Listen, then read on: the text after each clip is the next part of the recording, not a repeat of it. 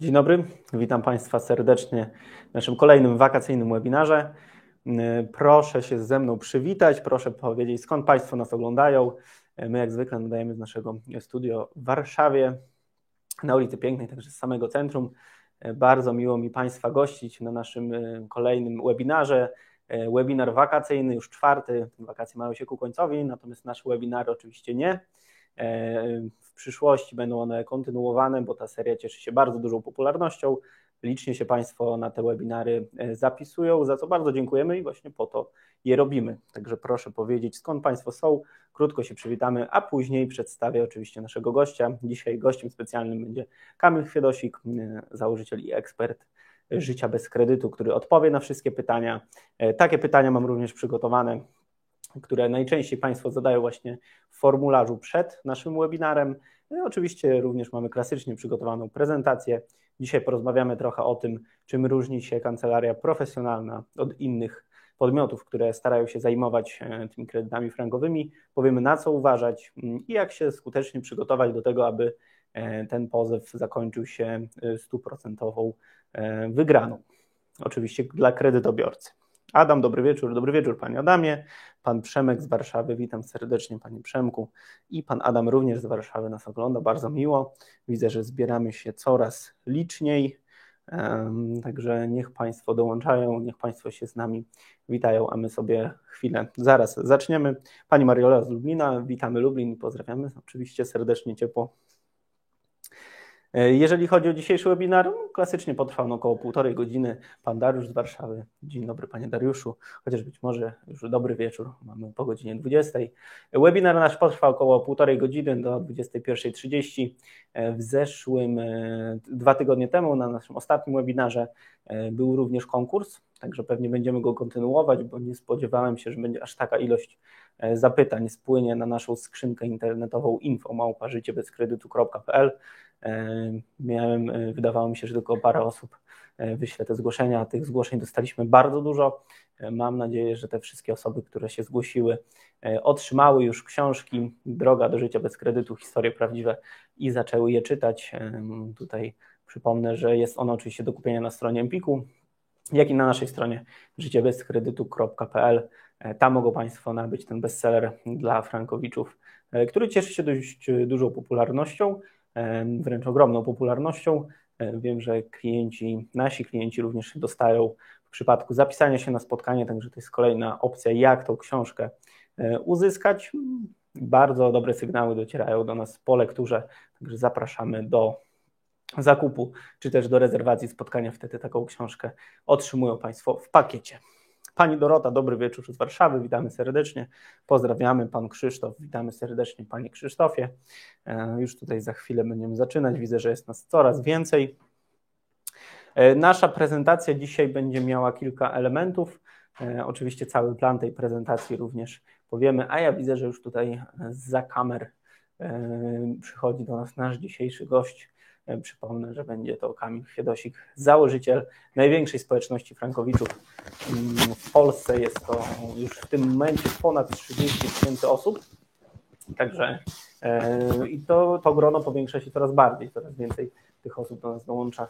E, myśleliśmy, że gdzieś ten okres wakacyjny trochę dzieje na minie, ale no, okazało się, że nie. Wysyłają Państwo bardzo dużo umów, bardzo dużo spotkań obecnie odbywamy z Państwem, tłumaczymy na czym polega e, sprawa frankowa, czym tak naprawdę zająć, aby ta skuteczność i ta wygrana po prostu mogła cieszyć każdą ze stron. No i oczywiście, żeby kredytobiorcy cieszyli się sukcesem na sali sądowej. Widzę, że już Kamil idzie, także cześć Kamil. Cześć, witam Wojtku. Dzień dobry Państwu. Zasiądę wygodnie, pozwolisz? E, jak najbardziej. Kamilu, e, już wszyscy się z nami przywitali, którzy są na webinarze, także możemy spokojnie zaczynać. Tym razem na początku nie prezentacja, a krótki wywiad chciałbym z Tobą przeprowadzić. Mhm. E, z racji tego, że wybrałem kilka pytań, które najczęściej pojawiają się czy to w naszym formularzu zgłoszeniowym, czy gdzieś tam przez e, telefon, gdzie kredytobiorcy do nas frankowicze dzwonią. Także zaczynając. Kiedy jest idealny moment, aby pozwać bank? Idealny moment. Bardzo dobre pytanie. W moim przekonaniu ten idealny, oczywiście trudny do oszacowania moment był na początku kwietnia, kiedy to powstało nowy Wydział Frankowy. Wtedy to Wydział miał same korzyści, to znaczy był jeszcze nieobłożony sprawami, nie wiedzieliśmy jeszcze wtedy, ale już w założeniu miał szybkie rozpatrywanie spraw. Dzisiaj znowu e, ten, e, znaczy bez zmiany, można powiedzieć, ten wydział rozpatrywuje te sprawy szybko, ale ma już 11 tysięcy spraw. Czyli jeżeli ktoś miał szczęście i złożył pozew e, w kwietniu, w maju, w czerwcu, to ta sprawa prawdopodobnie skończy się w ciągu pół roku. Dziś podejrzewam, że będzie to jeszcze kilka miesięcy z uwagi na ilość tych spraw, natomiast proszę się nie przejmować. Mm, walczymy bardzo mocno o to, aby z naszej strony kolejne pozwy były składane jak najwcześniej.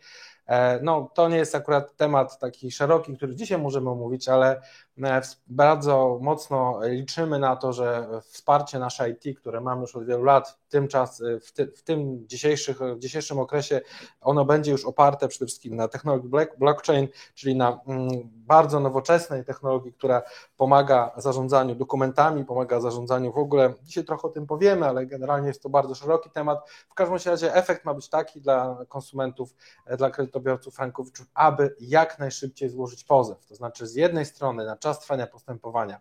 I na, jak to się mówi, zajęcie miejsca w tej kolejce. Wpływ mają e, sędziowie, czyli czas trwania postępowania, ale zanim się zacznie pozew, czyli złożenie tego pozwu, oczywiście zależy tylko i wyłącznie od nas i my robimy wszystko, aby złożenie tego pozwu było jak najwcześniej. I to jest w tej chwili nasz standard 7-14 dni od momentu dostarczenia kompletu dokumentów, a w przypadku niektórych banków, takich mBank czy Millennium, to jest równoznaczne z tym, że od momentu zawarcia umowy w takim okresie składamy pozew, chociażby E, jeżeli klient ma już zaświadczenie, to każdy inny bank również w ciągu 7-14 dni taki pozew składamy. E, kolejne pytanie. W ostatnich tygodniach liczba członków społeczności życia bez kredytu, którzy pozwali bank, znacznie wzrosła. No, widzimy tutaj ilość samych zapytań, czy też tych dokumentów, które otrzymujemy na analizę.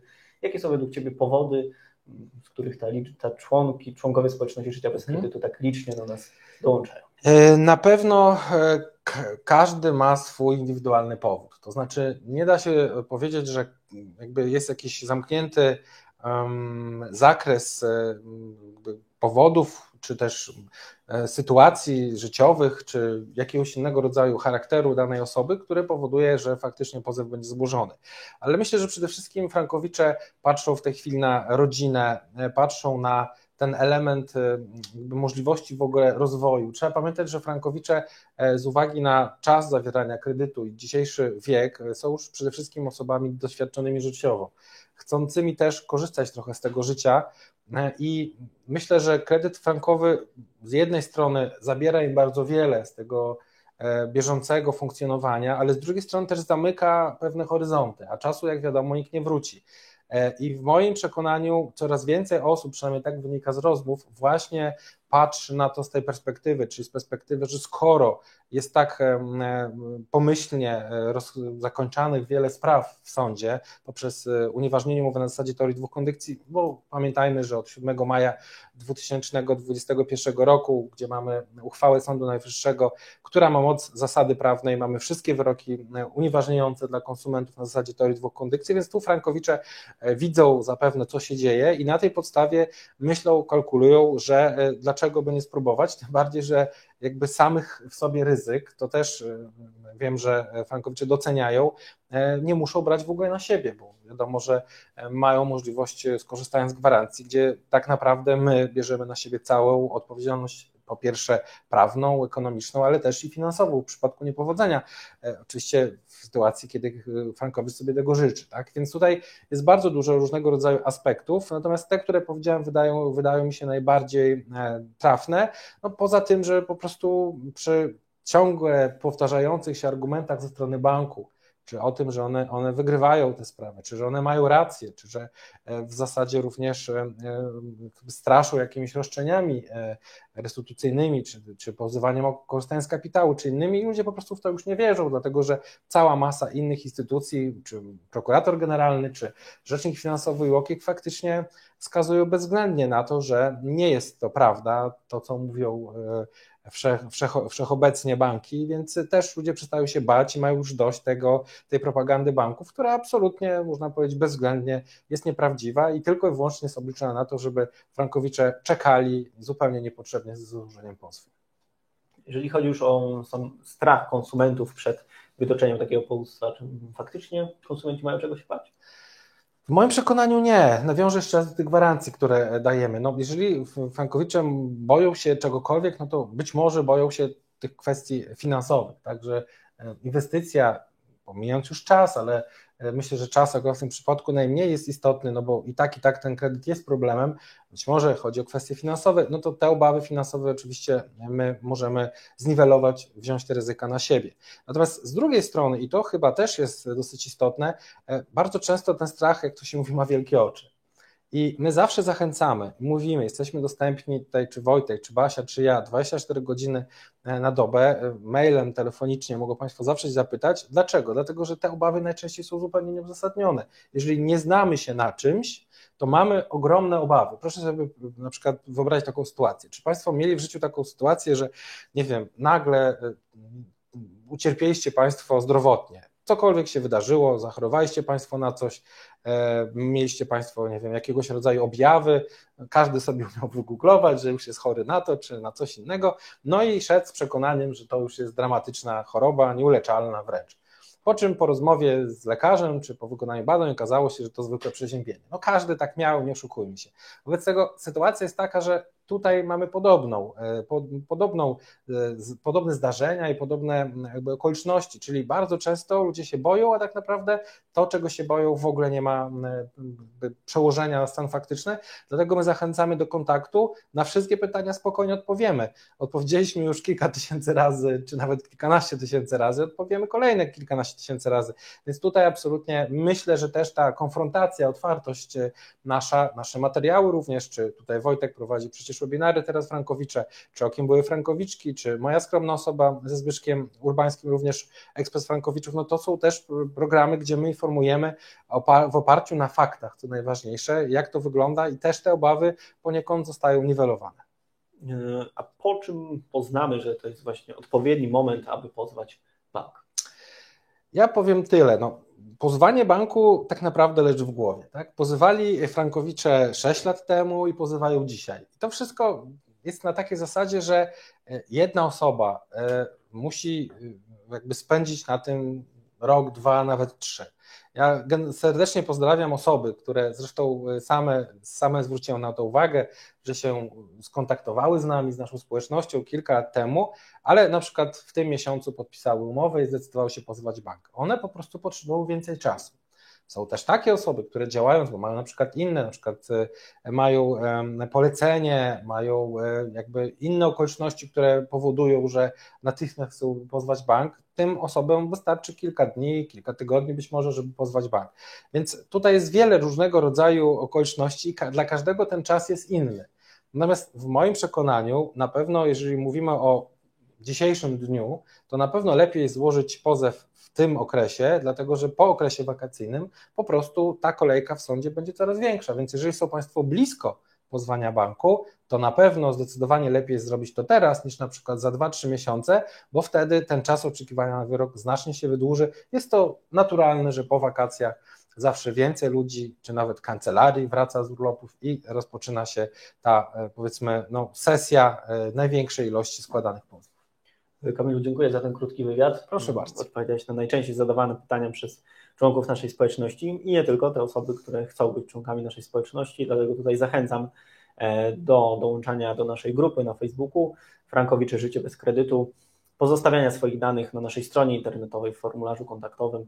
Każdy z Państwa otrzyma odpowiedź, e, każdym, e, każdą osobą się zaopiekujemy i przedstawimy plan działania, aby skutecznie wytoczyć powództwo przeciw bankowi. A my tymczasem przejdziemy do prezentacji, e, którą na dzisiaj przygotowałem. Temat nasz. Nasz temat mm, to jest tak naprawdę, czym różni się usługa kancelarii specjalistycznej od klasycznych kancelarii i hurtowni pozwów.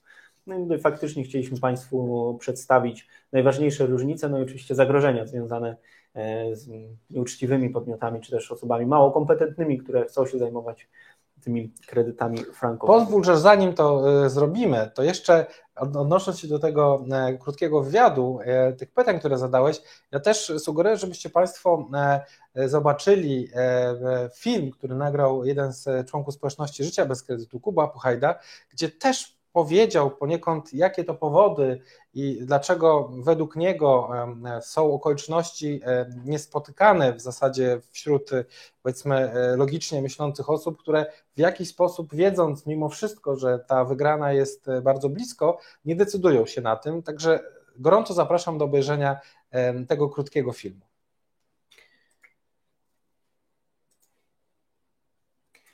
plan naszego dzisiejszego webinaru składa się z pięciu punktów. Po pierwsze, powiemy, czym kancelaria specjalistyczna różni się od innych kancelarii i hurtowni, co warto wybrać.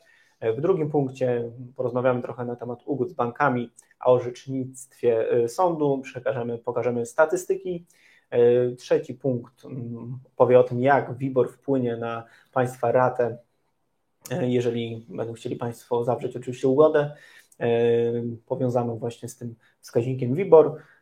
Cztery, powiemy trochę o KNF-ie, który sam sobie przeczy, ale o tym e, w tym punkcie bardziej rozwiniemy, dlaczego sam sobie przeczy. No i oczywiście piąty, najbardziej obszerny punkt, sesja Q&A, także zachęcam Państwa, żeby już Państwo powoli e, zadawali te pytania, powoli zastanawiali się, o co chcą Państwo zapytać.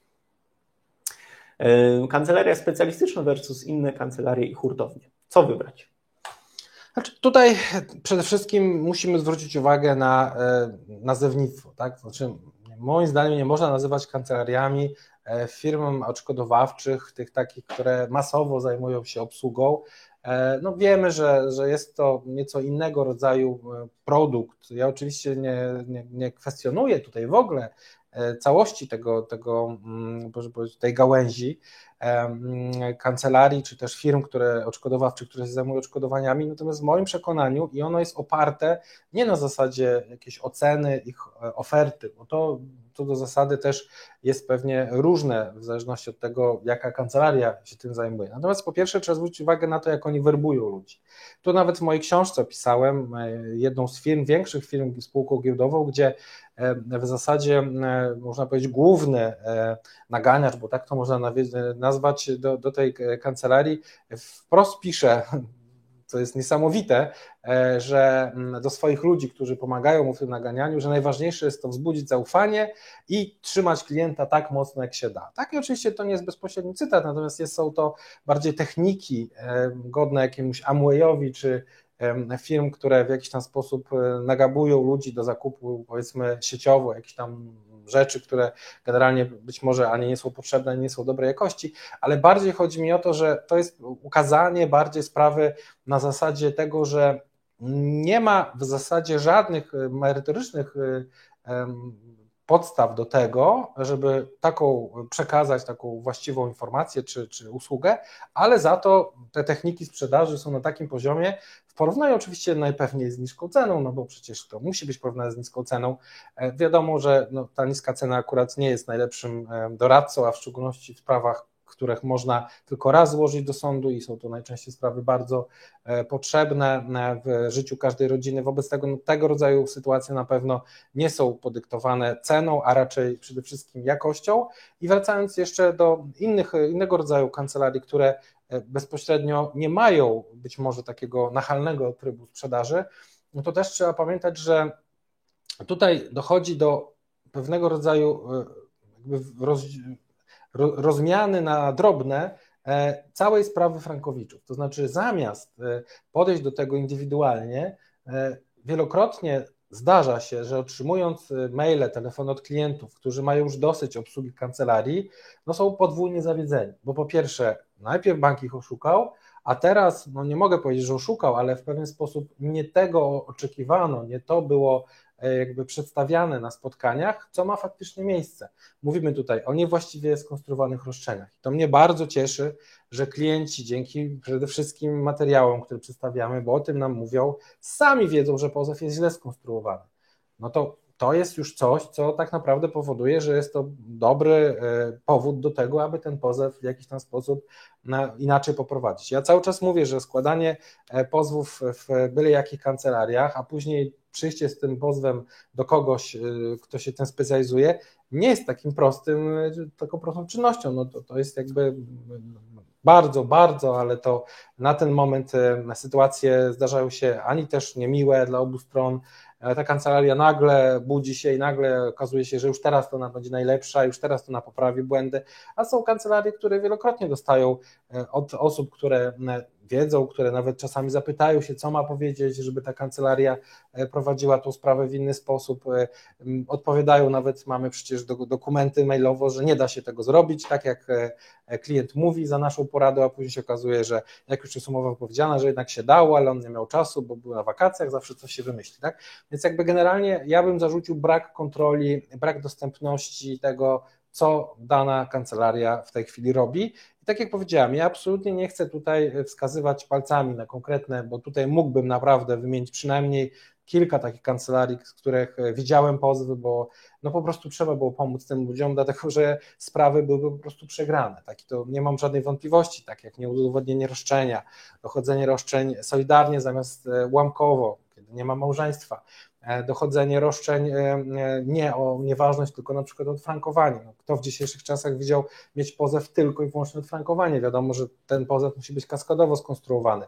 No, pomniejsze, brak ustalenia nieważności, który też może później powodować jakiegoś rodzaju kłopoty w wypisaniu banku z hipoteki. No, w dzisiejszych czasach pozwy powinny być naprawdę już, nazwijmy to, lukratywnie przygotowane, a nie tylko w jakiejś takiej mierze częściowej, no bo to jest po prostu niechlujstwo i złe reprezentowanie klienta. I mm, dlatego też wydaje mi się, że ten, e, e, ta innowacyjność, o której mówiłem wcześniej, odpowiedzi na Twoje pytania, też tutaj ma bardzo duży wpływ na te inne elementy, czyli kontakt, jakość i w ogóle prowadzenie postępowań, dlatego że rozszerzenie dynamiczne postępowania to jest nie mniejsza praca niż przygotowanie pozwu.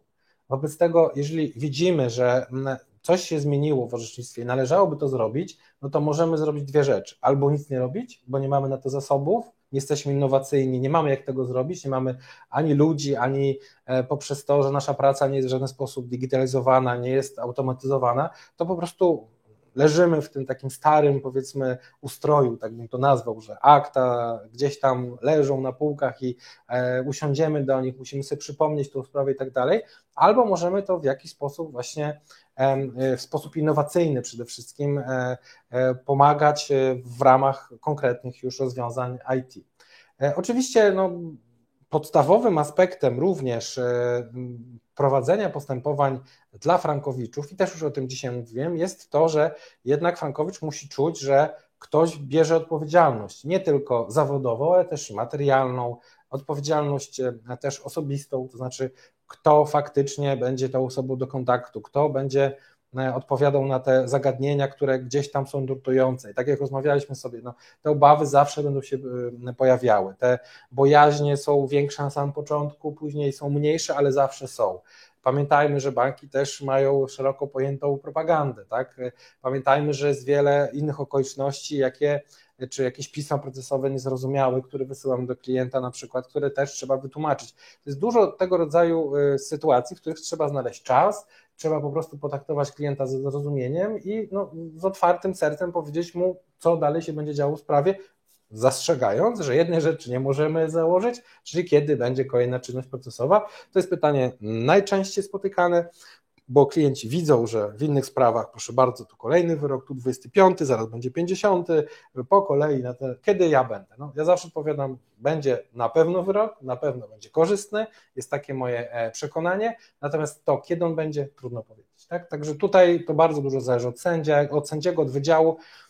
No, myślę, że szczęście mają ci, którzy teraz składają pozwy, dlatego że ich już objęła nowa ustawa, która weszła w tym roku, w czerwcu, która no, jakby powoduje, że te pozwy są, y, postępowanie jest hybrydowe, czyli ono przede wszystkim jest wymiana pism procesowych i jest kontakt y, poprzez e, kamery internetowe, czyli poprzez posiedzenia zdalne, czy też y, posiedzenia niejawne sądu. I tutaj dzięki temu też trzeba inaczej nastawić się do zarówno obsługi klienta, jak i też do obsługi takiego procesu.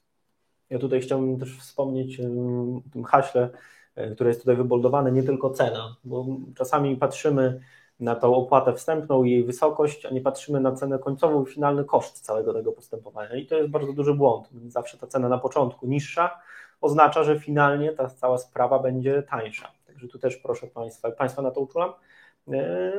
Jeszcze może, jeżeli już mówisz o, o tym koszcie całkowitym, to też jest bardzo ważna, istotna rzecz. Jaki koniec końców będzie ten efekt te, tego postępowania? Ja chcę przypomnieć, że żaden człowiek społeczności życia bez kredytu, który wygrał prawomocnie sprawę, nie oddał do banku ani grosza. Przy czym słyszę ogromną liczbę kancelarii, które prezydują Frankowiczów, że te pieniądze to na pewno trzeba będzie oddać, które się dostało. Ja nie wiem, czy na pewno. Ja przede wszystkim w ogóle nie wiem, czy trzeba będzie kiedykolwiek. Ja mówię, że jest takie prawdopodobieństwo, ale ono jest bardzo nikłe. I od czego to zależy? Od tego, w jaki sposób przedstawi się argumentację i strategię procesową. Źle przeprowadzony proces od tej strony faktycznie może doprowadzić, czyli niedopilnowanie tego procesu, że trzeba jednak będzie oddać te pieniądze. Ale odpowiednia reakcja w pewnej chwili, no wtedy może to do, doprowadzić jednak do tego, że tych pieniędzy nie trzeba będzie oddawać. Także jest dużo, bardzo dużo różnych okoliczności. Ja chcę wskazać przede wszystkim na to, co też powiedziałeś słusznie. No nie ma cudów, tak? Jeżeli chcemy, żeby prowadzić sprawę za niską opłatę, czy nawet tej chwili jakieś tam są wymysły, jakieś sponsorów znajdują, że coś tam jest za darmo. Pytanie jest, kto to robi za takie niskie pieniądze? Czy czasami nie są to banki albo ktoś powiązany z bankami? I to nie jest mój, moje przemyślenie, tylko jest przemyślenie jednego z klientów, który widząc umowę, którą taka firma mu podesłała, mówi, no jak nic, no, chodzi o to, żebym przegrał sprawę, tak? Bo skoro gdzieś jest jakiś interes, na pewno oni nie zarobią na tym kliencie, no to na czymś muszą zarobić. Wobec tego na czym zarabiają, jeżeli nie na kliencie, który ma kredyt frankowy? Być może jest to e, sytuacja, w której dana osoba, dany podmiot, oczywiście nie wskazując znowu palcami, chce wykonać e, usługę powiedzmy za darmo, wiemy, że za darmo nic nie ma, e, a na koniec dnia mm, okaże się, że być może będzie to e, akurat e, inny e, podmiot zainteresowany prowadzeniem tego postępowania, a nie ten, który gdzieś tam był w umowie. Także trzeba też pamiętać o tym, że nie wierzyć absolutnie różnego rodzaju stowarzyszeniom. Tam są ludzie, tam są ludzie, którzy są na jakichś stanowiskach. Te stanowiska wcześniej czy później mogą być w pewien sposób przynajmniej, tak, obarczone ryzykiem przejścia na drugą stronę, delikatnie rzecz ujmując. Ja nie wyobrażam sobie, żeby gdzieś w jakiejś na naszej konferencji e, usiadł prezes jakiegoś banku i zaczął opowiadać o e, ugodach, które są niekorzystne, a ja bym usiadł i przytakiwał. No to jest dla mnie historia nie, nie do pomyślenia. Wobec tego uważać proszę na wszelkiego rodzaju też porównywarki, gdzie się każdy ze sobą porównuje, tak? Czyli mamy jedną firmę, jedną grupę kapitałową mamy 10 nazw kancelarii, aby wrażenie było takie, że są różnego rodzaju oferty, a tak naprawdę to jest ta sama oferta, oczywiście przedstawiona w różne sposoby i znowu nie wiemy, jaki jest obszar zainteresowania. Także ja tylko uczulam, ja nikomu nic nie zarzucam, ja tylko uczulam, uczulam że są takie głosy od różnego rodzaju e, środowisk i, i osób, że no, nie wszyscy zaczynają grać do tej samej bramki. Dlatego sugeruję, żeby nie patrzeć na e, osoby skrajne, bo ta skrajność łatwo można, e, można ją przerobić, czy można, może ona sama z siebie być skrajnością w drugą stronę dla niepoznaki. Także ja bym od skrajności w ogóle w życiu uciekał. Trzeba pamiętać, że to, co jest pewne, to na pewno nie będzie w żaden sposób w jakiś tam sposób, no, tej perspektywy najbardziej mi chodzi o to, że nie będzie później kwestionowane, bo jest to po prostu normalne podejście, bez żadnych jakichś e, odchyleń, zupełnie w moim przekonaniu e, nieistotnych e, z perspektywy całości procesu. Są to jakieś takie tylko marginalne kwestie, które trzeba jednak pamiętać, że no, trzeba uważać na takie rzeczy. Nigdzie, w żadnej branży nikt Państwu nic za darmo nie zrobi. Żeby cokolwiek nie było, proszę sobie zadzwonić, spróbować zamontować klimatyzację latem. Tak? Na pewno będzie wiele firm, które pobierze od Państwa pieniądze, tylko że być może Państwo nigdy tych pieniędzy nie zobaczą. E, przechodząc dalej, mamy krótkie porównanie oferty życia bez kredytu versus typowa oferta. E, natomiast tu wydaje mi się, że nie będziemy się dłużej zatrzymywać. Taki dokument otrzymują Państwo również, e, gdy wyślą Państwo do nas swoje dokumenty do analizy. Wraz z analizą otrzymują Państwo. Trzyletnia ochrona po roku. Na to proszę zwrócić uwagę. Że my bierzemy odpowiedzialność nie tylko za proces sądowy w pierwszej, w drugiej instancji, za egzekucję i tak dalej, tylko trzy lata po prawomocnym wyroku. Mogą Państwo być spokojni, że my zadbamy o Państwa interesy, jeżeli banki dalej by oczywiście zgodnie ze swoją propagandą, a nie stanem faktycznym niosły za sobą jakieś roszczenia restytucyjne. Tu jeszcze może wyjaśnimy, dlaczego te trzy lata. Tego to nie wiem, bo banki wymyślają sobie, że mają 3 lata od prawomocnego wyroku na dochodzenie roszczeń. Nie wiem, dlatego że nie ma przepisów żadnych, które by na to wskazywały. Wręcz odwrotnie, uchwała Sądu Najwyższego powiedziała, że jest to zupełnie inny moment. Natomiast no, skoro jest taka propaganda, więc chodzi nam o to, żeby Państwo się tym nie przejmowali, dlatego dajemy trzyletni okres gwarancji. Dokładnie. E, kancelaria 2.3. Innowacyjność w procesie sądowym jest kluczowa. Jako jedyna kancelaria w Polsce działamy w oparciu o technologię blockchain. No i tutaj Kamilu chciałbym, żebyś powiedział trochę więcej o tym blockchainie i żebyś powiedział trochę o całym, całym tym rozwoju tego sektora IT, mhm. tego wsparcia IT, które jest kluczowe w przypadku postępowania sądowego. Podstawowym aspektem w dzisiejszych czasach funkcjonowania, tym bardziej, że tak jak już dzisiaj też powiedziałem, mamy te postępowania sądowe hybrydowe, czyli w zasadzie doręczenia przez portal, brak praktycznie w ogóle doręczeń w tym roku przez e, zwykłą pocztę. Tak? E, wszystko to, co wiąże się z procesem, terminy i tak dalej, e, są pewne kwestie kontrowersyjne, od kiedy liczyć ten termin, od otwarcia którego dokumentów, przez kogo, czy przez powoda, bo czasami klienci mają sami dostępy i tak dalej, i tak dalej. To jest jakiś jeden obszar, czyli mamy zagadnienie, nowy rodzaj postępowania sądowego, posiedzenia niejawne, również jakiegoś tam rodzaju możliwość Mm, notowania sobie tego, co się działo w czasie chociażby e, rozprawy online, no to są wszystko technologie, które umożliwiają ułatwianie później prowadzenia procesu i skracanie czasu potrzebnego do tego, żeby właściwie podejść.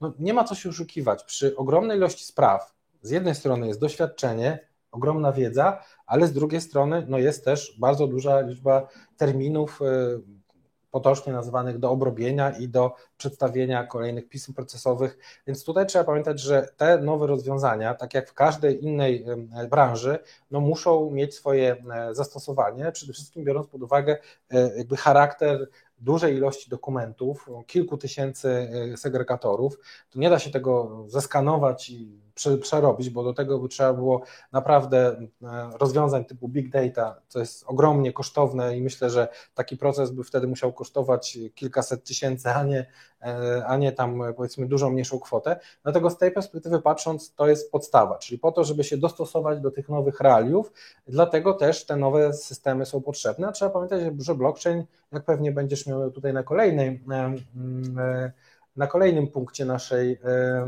prezentacji, no jest bardzo szerokim e, spektrum przekazywania między podmiotami informacji, czy między zespołami w naszym przypadku, e, sądem, między pewnego rodzaju e, zachodzącymi relacjami wewnętrznie, czy też przygotowania zewnętrznej informacji dla klienta, Poza informacją istnieją również zobowiązania, które klient musi wykonać. I ten przebieg, cały przepływ informacji w dzisiejszych czasach no, jest oczywiście możliwy na, e, do digitalizowania na zasadzie starego mm, e, systemu IT, chociaż on taki stary nie jest, umówmy się, no ale powiedzmy e, takiego no, najbardziej znanego, powszechnego, gdzie Państwo pewnie mają jakieś systemy e, informatyczne w pracy, które pracują, bazują na różnego rodzaju programach, natomiast ta jakby cała ideologia polega zupełnie na czym innym, polega na centralizacji, na całkowitym inteligentnym kontaktem między poszczególnymi osobami, kontaktem między zasobami również między sobą, podpisywaniem dokumentów w inny sposób niż do tej pory miało miejsce. Zagadnienie jest bardzo szerokie, myślę, że też interesujące, do końca na dzień dzisiejszy nieustabilizowane y, rozwiązanie jeszcze w formie y, pewnych testów, ale to dlatego, że y, również czekamy na ostateczne rozstrzygnięcia, jak to będzie wyglądało w sądzie, bo mimo tego, że ustawa już wyszła, to niektóre czynności są jeszcze zawieszone przez poszczególnych sędziów z uwagi na to, że sąd nie jest do tego przystosowany. Więc dopiero kiedy sąd będzie przystosowany w pełni, my wtedy będziemy wiedzieli, jakie musimy ze swojej strony również dostosować rozwiązania. Oczywiście na dzień dzisiejszy i tak e, bardzo duża innowacyjność e, e, naszych zespołów i praca przy rozwiązaniach IT potrzebnych do prowadzenia tego postępowania jest niezmiernie istotna, ale z drugiej strony patrząc, no nie można też zapominać, że ta strona prawnicza czy ekonomiczna, wyliczanie wszystko do pozwów, administracja, no to są takie jakby kwestie, które zazwyczaj mają miejsce i będą miały miejsce zawsze. Przechodząc dalej, opowiem trochę na jakie elementy warto uważać, jeżeli mówimy o hurtowniach pozwów oraz mhm. firmach odszkodowawczych. No to po pierwsze jest to brak indywidualnego podejścia. Frankowicz jest jedną z setek osób w danym miesiącu. E, są to ukryte koszty, często brak wyspecjalizowanych ekspertów, i takie kancelarie ogólne, które zajmują się nie tylko tematem frankowym, bo tutaj też warto zwrócić uwagę na to, że my specjalizujemy się w postępowaniu frankowym i już nie robimy mm, innych około prawnych rzeczy, tylko samo postępowanie to właśnie. Przepraszam, a nawet nie robimy innych spraw w zakresie nawet obsługi konsumentów, czyli nawet e, nie obsługujemy tam polisolokat i e, odszkodowań jakiegoś innego typu, bo to są wszystko inne procesy, e, nie tylko procesy sądowe, ale też i zasoby, które do tego są potrzebne. Tak, no i oczywiście ten brak specjalizacji jest niekorzystny dla kredytobiorców jak i też ten brak wiedzy i doświadczenia już stricte w tym temacie frankowym również pociąga za sobą konsekwencje, które mogą e, w przypadku usłyszenia wyroku okazać się po prostu wyrokiem niepozytywnym. Ugody z bankami, orzecznictwo sądów, statystyki. Te statystyki będą e, ciekawe, ale tu myślę, że Państwo sami wyciągną wnioski. Oczywiście wszystko omówimy. Liczba postępowań sądowych y, w sprawie kredytów w drugim kwartale 2021 roku wzrosła o 7,4 tysiąca. Obecnie toczy się ponad 38 tysięcy postępowań i ten rok wedle prognoz ma być rekordowy, jeżeli chodzi o ilość tych spraw, a to dzięki korzystnemu orzecznictwu. No i tutaj Kamilu ponad 38 tysięcy postępowań, y, niby bardzo dużo, natomiast kropla w morzu Frankowiczów. To prawda, natomiast same banki już wskazują, że e, względem istniejących kredytów, bo oczywiście już wiele jest e, zamkniętych kredytów, względem istniejących kredytów, no ta ilość cały czas rośnie i banki same widzą, że mm, e, z miesiąca na miesiąc są to lawinowe wzrosty. Ja bym powiedział tylko tyle. Z mojej perspektywy i z perspektywy tego, co tutaj powiedziałeś, ten przyrost wcale nie jest zaskakujący. Ja bym powiedział nawet więcej. Ja uważam, że wrzesień, październik, listopad spowoduje jeszcze większy i gwałtowny wzrost e, z tych, tych pozwów z wielu przyczyn. Przede wszystkim dlatego, że to orzecznictwo ujawni się w większej skali, no bo wiadomo, że wakacje tych wyroków było mniej, a co by nie mówić, każdy wyrok powoduje większe zainteresowanie, większe, hmm, można powiedzieć, większą pewność w działaniu, nawet chociażby w kwestii e, e, ustalenia jakichś kwestii, e, powiedzmy, konsultacji czy, czy pytania, nawet innych kwestii, które powiedzmy są istotne z perspektywy podjęcia decyzji. I obserwuję to od kilku lat, że zawsze w miesiącach wakacyjnych, lipiec, sierpień, jest generalnie spokój. To znaczy ludzie odpoczywają, nabierają energii, wyjeżdżają, pomijają kwestię kredytu frankowego. Proszę sobie wyobrazić, że w tym roku e, kwestia składania pozwów e, w sierpniu przerosła najśmielsze oczekiwania. To znaczy w sierpniu złożyliśmy już więcej pozwów niż w całym czerwcu, który był okresem przedwakacyjnym, znowuż jednym z najbardziej obleganych. To pokazuje, że jeżeli wierzyć statystykom, w wrześniu, październiku e, i czyli tych dwóch zaraz e, miesiącach powakacyjnych, prawdopodobnie wzrost będzie nawet 8-9-krotny. Czyli dalej idąc, jeżeli widzimy dzisiaj, że w drugim kwartale liczba pozwów wzrosła o 7400, to wydaje mi się, że w trzecim, czwartym kwartale może być to znacznie powyżej 20-30 tysięcy. I to będzie naprawdę wtedy pokaz siły Frankowiczów, bo w moim przekonaniu nie ma w ogóle na to czekać. Sądy sobie na pewno poradzą, dlatego że mamy rodzaj postępowania hybrydowego, które generalnie jest w moim przekonaniu na dzień dzisiejszy e, bardzo e, przyspieszające czas trwania postępowania. E, Kamilu, a ile ugód zostało zawartych? Zero. I mamy taką informację. Do tej pory liczba ugód wynosi zero. E, propozycje i tutaj już też e, dwa tygodnie temu z e, radcą prawnym Pawłem Michanem omawialiśmy te propozycje ugód i też często odbieram od Państwa telefony, mm, zwłaszcza tu Bank Millennium przoduje w tym momencie w tych propozycjach ugodowych, natomiast z góry oczywiście one są, mówimy to od razu, one są kuriozalne i nie do przyjęcia, one są po prostu niekorzystne dla kredytobiorców. Niekorzystne, ale z drugiej strony też prowokują Frankowiczów do pozywania banku. Wśród właśnie największej ilości spraw, które założyliśmy w wakacje, są właśnie banki Millennium i PKO, czyli banki, które w zasadzie opierają się na jakiegoś rodzaju propozycjach ugodowych, które klient już widzi, że są w ogóle nieatrakcyjne, wręcz e, są niekorzystne z uwagi na e, ryzyko wzrostu raty w przyszłości, co powoduje, że ludzie widzą, że absolutnie już nie ma w ogóle na co liczyć. Zresztą inne banki nawet nie kompromitują się w ten sposób, co widać jest dla nich na korzyść, no bo skoro takie banki jak Millennium czy PKO mamy znaczny wzrost e, pozwów, to znaczy, że tym bodźcem, który prowadzi ludzi do składania pozwów, są właśnie e, te nieudane, z drugiej strony, e, patrząc z perspektywy Frankowicza niekorzystne propozycje ugodowe. Dlatego no, moim zdaniem tak długo jak banki nie pójdą po rozum do głowy i mówię to z pełnym przekonaniem, czyli nie będą chciały uznawać roszczeń głównych e, w tym naszym pozwie kaskadowym, no to tak długo te sprawy będą toczyły się po prostu do końca, banki będą ponosiły wszystkie straty. Skoro są na tyle bogate, żeby płacić wszystkie koszty postępowania sądowego, odsetki karne za opóźnienie ustawowe, przecież nikt tego nie zabroni. Wcześniej czy później wszystkie sprawy będą wygrane, a tylko od banku zależy, czy wcześniej będą chciały w jakiś sposób ograniczyć swoje straty. No i tu też, co ciekawe, Bank Millennium oczywiście z jednej strony idzie w zaparte, że z ugodami, z umowami jest wszystko w porządku, natomiast w propozycji e, tej ugody mówi, że faktycznie klauzule były niedozwolone i że teraz kredytobiorca je akceptuje. Także no, no to sytuacja. prawda, to prawda. Dobrze, przechodzimy dalej. Jak zmiana wyboru wpłynie na Twoją ratę? I tutaj przygotowaliśmy konkretne obliczenia, tak aby mogli Państwo zobaczyć, jak, jak naprawdę ta zmiana tej stopy o kilka punktów procentowych wpływa na Państwa ratę, bo wydaje mi się, że te liczby robią wrażenie. Większość ugód jest właśnie oparta o stopę referencyjną WIBOR. Stawka WIBOR wzrośnie, rata również wzrośnie. Obecnie WIBOR jest jednym z najniższych poziomów. Historycznie no, praktycznie jest pewne, że gdzieś tam w przyszłości to wzrośnie. Mamy również pokazane później to na wykresie, jak to historycznie się układało. Natomiast proszę spojrzeć, e, ile wynosi rata przed wzrostem WIBOR-u, a jeżeli ten WIBOR będzie wynosił 4%, 4,5 lub 5%, w przypadku 3000 zł, czyli takiego średniego kredytu obecnie e, jest to kwota 3000 zł miesięcznie, może to być nawet 5,5 tysiąca złotych. Tak, no to nie jest też e, hipotetyczne stanowisko, które przedstawiamy w tej tabeli, dlatego że trzeba pamiętać, że inflację mamy najwyższą od 10 lat.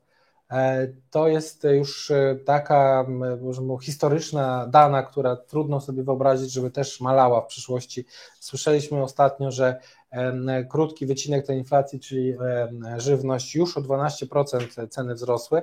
Wobec tego no, te 5% jest niskie, czyli jest duże ryzyko, że w przyszłości znowu ta inflacja będzie rosła, a 10 lat temu, kiedy inflacja była również na poziomie w okolicach 5%, WIBOR był właśnie około 4,72%. Czyli to, co dzisiaj tu Państwo widzą na ekranie, czyli poziomy, które wskazujemy między 4 a 5, to są realne poziomy, które powinny dzisiaj e, obowiązywać, e, jeżeli chodzi o stawkę WIBOR w Polsce, żeby nie fakt tego, że mamy e, luzowanie polityki, gdzie bank centralny drukuje pieniądze, aby pobudzić gospodarkę po koronawirusie, a jednocześnie banki między sobą nie pożyczają. Stopa WIBOR jest stopą referencyjną pożyczek między bankami. Skoro nie ma tych pożyczek, no to ta stopa jest zero. Kiedy skończy się drukowanie, a jak wiemy już w Stanach Zjednoczonych ono się kończy, no to następczo również u nas y, gwałtownie wzrośnie WIBOR, zresztą już w innych krajach ościennych, czy w Czechach, czy w innych już rosną te stopy referencyjne. To znaczy, że podpisanie dziś ugody na bazie WIBOR-u będzie powodowało, że rata, która i tak w ramach tej ugody nie spada, bo banki raczej proponują spadek niewielki zadłużenia, będzie w perspektywie czasu, no nawet jak tutaj widać, y, 50% większa. Także no to jest ogromne ryzyko i trzeba pamiętać, że absolutnie tego rodzaju ugody ani nie są e, e, oczekiwane przez nas, ani też nie są korzystne dla frankowiczów. Tak, i tutaj dokładnie na tym wykresie właśnie widzą Państwo, ile wynosił WIBOR 10 lat temu, tak, w 2011 roku. Tak, 4,70. KNF zaleca i przestrzega jednocześnie. Jak to możliwe? Tutaj zaraz do tego przejdziemy, natomiast widzę, że czat się dopytuje, ile pozwów e, prowadzimy obecnie, ile takich postępowań jest prowadzonych. Jest to już ponad 1200 postępowań. Tak, już jest na pewno 1300 podpisanych umów. E, no, część pozwów jeszcze jest w przygotowaniu. Tak jak powiedziałam, minimum 7-14 dni trzeba poczekać, ale codziennie składamy po kilka pozwów, także to myślę, że do końca wakacji te 1300 przebijemy. Wracając do tematu, KNF zaleca i przestrzega jednocześnie. Jak to możliwe?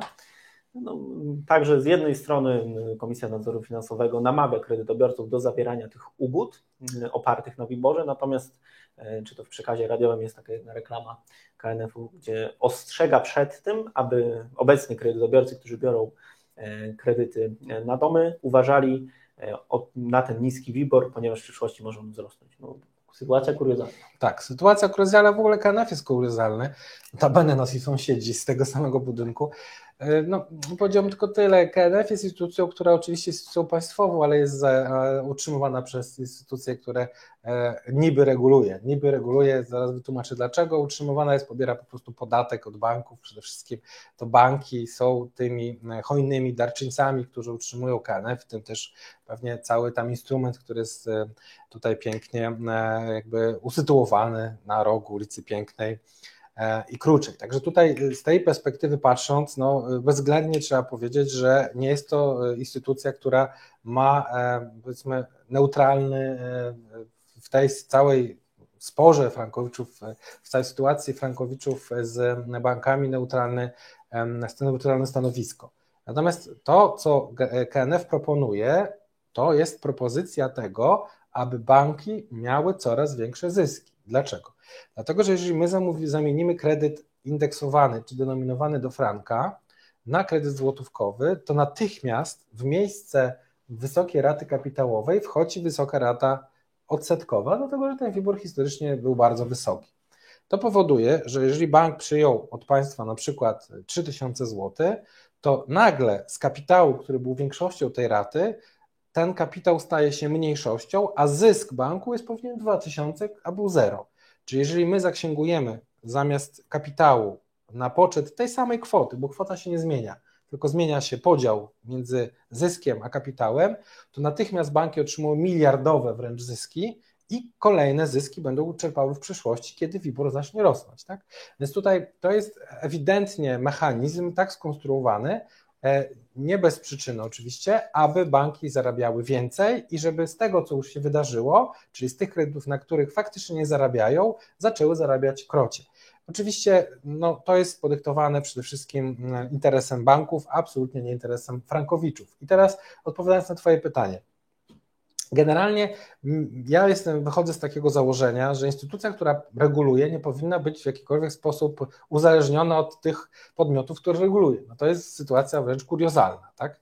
Nie będę tutaj podawał przykładów, ale proszę sobie wziąć z swojego podwórka. E, no, ja kontroluję państwa, powiedzmy, a państwo płacą mi za to, żebym ja państwa kontrolował i wszyscy jesteśmy w jednym e, maglu, w jednym rosole, jak to się mówi potocznie. No tak nie powinno być. Najwyższa Izba Kontrola, e, Kontroli w 2018 roku w raporcie na temat kredytów frankowych tak zwanych wskazała wprost, że, że KNF jest instytucją winną tego całego zdarzenia z uwagi na niewystarczające regulacje. Jak wiadomo, niewystarczająca regulacja to jest w zasadzie brak regulacji i dlatego trzeba pamiętać, że wszystko to, co płynie z ust KNF-u, czy rzecznika, czy ich stanowisk itd., tak itd., tak jest absolutnie dla frankowiczów niekorzystne i nigdy nie będzie korzystne, dlatego że KNF chroni interes banków i nie ma co do tego żadnej wątpliwości. Wystarczy dodać 2 y, do 2 i widać, jaki jest efekt końcowy. E, tutaj mam jeszcze krótką informację właśnie o tym informa- to, to, tego przekazie KNF-u, który ostrzega przed tym e, wiborem, natomiast no, takie ostrzeganie nie miało miejsca w przypadku kredytów frankowych. Dokładnie. E, fakt o KNF, no to tutaj już Kamil wspomniał, organizacja opłacana przez sektor bankowy, instytucja odpowiedzialna za toksyczne kredyty frankowe, wspiera sektor bankowy, a nie konsumentów no i oczywiście ignoruje orzecznictwo TSUE oraz krajowe orzecznictwo, które jest no, najbardziej korzystne chyba w historii dla konsumenta. Tak, po prostu mamy już wprost implementację dyrektywy 9313. E, trochę byliśmy przez lata zacofani. W Europie dawno już ta ochrona konsumenta była prawdziwa, skuteczna. Tutaj jeszcze powiedzmy borykaliśmy się 5-6 lat temu z dziwnym podejściem, dzisiaj już go nie ma, a KNF został oczywiście na starych torach. Uważa, że sprawy należy rozpatrywać nie zgodnie z zasadami ochrony konsumenta, tylko zgodnie z zasadami ochrony banku. E, I tutaj ta grafika po części odpowiada na pytanie pana Krzysztofa. Zabezpieczacie Państwo w przypadku przegranej. Gdybyś mógł opowiedzieć trochę o tej grafice i też na pytanie.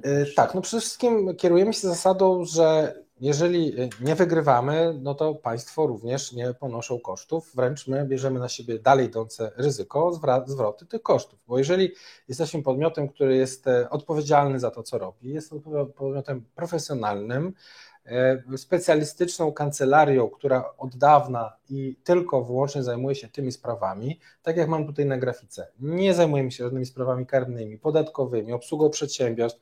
Jesteśmy tylko i wyłącznie e, e, podmiotem, który wyspecjalizował się w jednej dziedzinie. Czy to źle, czy to dobrze, niech kto inny to ocenia. Dla nas jest to najważniejszy cel, priorytet funkcjonowania każdej osoby, która jest tutaj z nami, w każdym zespole i bezwzględnie na to kierujemy się. Tak? Dlatego, jeżeli uważamy siebie za podmiot, który jest odpowiedzialny społecznie, to bezwzględnie musimy tą odpowiedzialność społeczną przełożyć również na e, ofertę, na propozycję e, pomocy e, Frankowiczom, w tym przypadku oczywiście prowadzenia postępowania sądowego. I jeżeli ktoś powie, że jesteśmy liderem, to jest nam bardzo miło z tego tytułu. Natomiast czy słowo lider jest jakby oczywiste, czy każdy rozumie tak samo? Na pewno nie. Czy każdy rozumie tak samo słowo jakość? Również nie. Natomiast można pewne kwestie materialnie ukształtować. Znaczy, jeżeli my wiemy, że nasze zasady prowadzą do tego, żeby skutecznie przeprowadzić to postępowanie do końca, to pewnego rodzaju zobowiązaniem jest wzięcie na siebie również odpowiedzialności finansowej, co się właśnie dzieje i co ma miejsce. Dlatego akcja Polska Wolna od Franka, poza tym, że pokazuje e, i ujawnia tak naprawdę wszystkie te nieuczciwe mechanizmy, edukuje e, Frankowiczów, również bierze na siebie odpowiedzialność e, tego, że czynność wykonana w ramach niecodziennych zdarzeń, przecież codziennie e, konsumenci frankowicze nie, nie chodzą do sądu, dla nas jest e, absolutnie codziennością i my bierzemy odpowiedzialność za e, wszystkie okoliczności, które są związane właśnie z wytoczeniem powództwa. No i to jest odpowiedź na pytanie pana Krzysztofa. Jeszcze kolejna grafika, taka podsumowująca, natomiast musielibyśmy chyba co tydzień je aktualizować, bo już te dane nie są w 100% aktualne. E, działamy od 6 lat, obsługujemy już praktycznie 1300 postępowań sądowych, pomogliśmy już 5000 osób uwikłanych w nieuczciwe kredyty, a łączna wartość naszych roszczeń e, to jest miliard złotych. Proszę sobie zobaczyć tylko jedną rzecz. Jaka jest różnica między 1200 postępowań tutaj na tej grafice, bo faktycznie już jest prawie 1300, a e, jak to się ma do tej ilości 5000? Proszę zobaczyć, ile osób w Państwa domu nawet nie mówiąc szerzej rodzinie, ale ile osób w Państwa domu jest y, związanych z tym kredytem, tak? Najczęściej jest dwóch kredytobiorców, dzieci, być może rodzice, być może e, jakieś y, bliższa rodzina, która również pomaga w tym. Generalnie to jest tak, że to jest ogromna liczba osób, konkretnych osób z imienia z nazwiska, które e, obsługujemy, które faktycznie podjęły decyzję i na ten, na ten moment mają w zasadzie bardzo prostą drogę do tego, żeby się uwolnić od tego kredytu. Także tym akcentem przechodzimy do sekcji QA, także e, zapraszam do zadawania pytań. My oczywiście również mamy kilka pytań e, za przygotowanych. Ja już tu wyłączę naszą prezentację. E, pierwsze pytanie. Pan Grzegorz z YouTube'a. Witamy Panie Grzegorzu na YouTubie. Witam. Czy pozwy są rozpatrywane w sądzie według tak zwanej kolejności wpływu. Tak, tak, panie Grzegorzu, y, sąd, może inaczej, każdy sędzia w swoim referacie, kto się przyjął mówić, ma swoją półkę i na tą półkę odkłada po kolei sprawy, które wpłynęły. No jest to proste do zweryfikowania, po prostu sygnatura sprawy świadczy o tym, która sprawa trafiła wcześniej, która później. To nie znaczy, że y, jeżeli, bo bardzo często są tego rodzaju pytania, jak to jest, że moja koleżanka złożyła później pozew, a już ma na przykład termin rozprawy wyznaczony. Po pierwsze, to jest tak, że każdy sąd inaczej prowadzi postępowanie, każdy sędzia.